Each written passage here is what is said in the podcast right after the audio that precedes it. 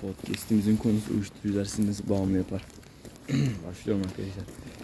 The Beynimizin, beynimizin salgıladığı serotonin bir emek sonucunda karşılaşır. Mesela şey salgılanır. Mesela bir şey başardın tamam mı? Diyelim ki bir soruyu doğru cevapladın.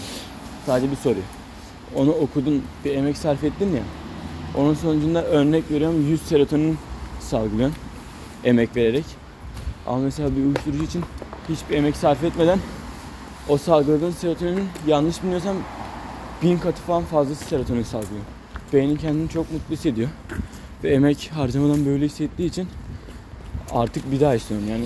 Çok kısa yoldan mutlu olmaya şey yapıyorsun ya. Alışıyor vücut. Ve buna alışınca uyuşturucu bağımlısı oluyorsun. Geçmiş olsun. Sonrasında uyuşturucunun asıl ölüme sürükleme sebebi artık bir zaman sonra geçirdiğim büyük buhranlar. Bu da ne oluyor? Uyuşturucu alamadığın zaman normalde salgıladığın mutluluk miktarı artık sana yetmemeye başlıyor. Çünkü beynin artık belki 100 bin belki 10 bin serotonin istediği için artık 100 serotonin beynine yetmiyor. Onunla yetinemeyip büyük buhranlara, depresyonlara giriyor. Sonra çok mutsuz oluyorsun. Uyuşturucu krizi de budur. Anlatacaklarım bu kadar. Teşekkürler. Ama Esrar böyle değil arkadaşlar. Esrar uyuşturucu sınıfında bile değil dünyada. Bros Night'ı dinlediniz. Hepinize iyi akşamlar. Takipte kalın. Nasılsın standart? Kendine iyi bakan Ali.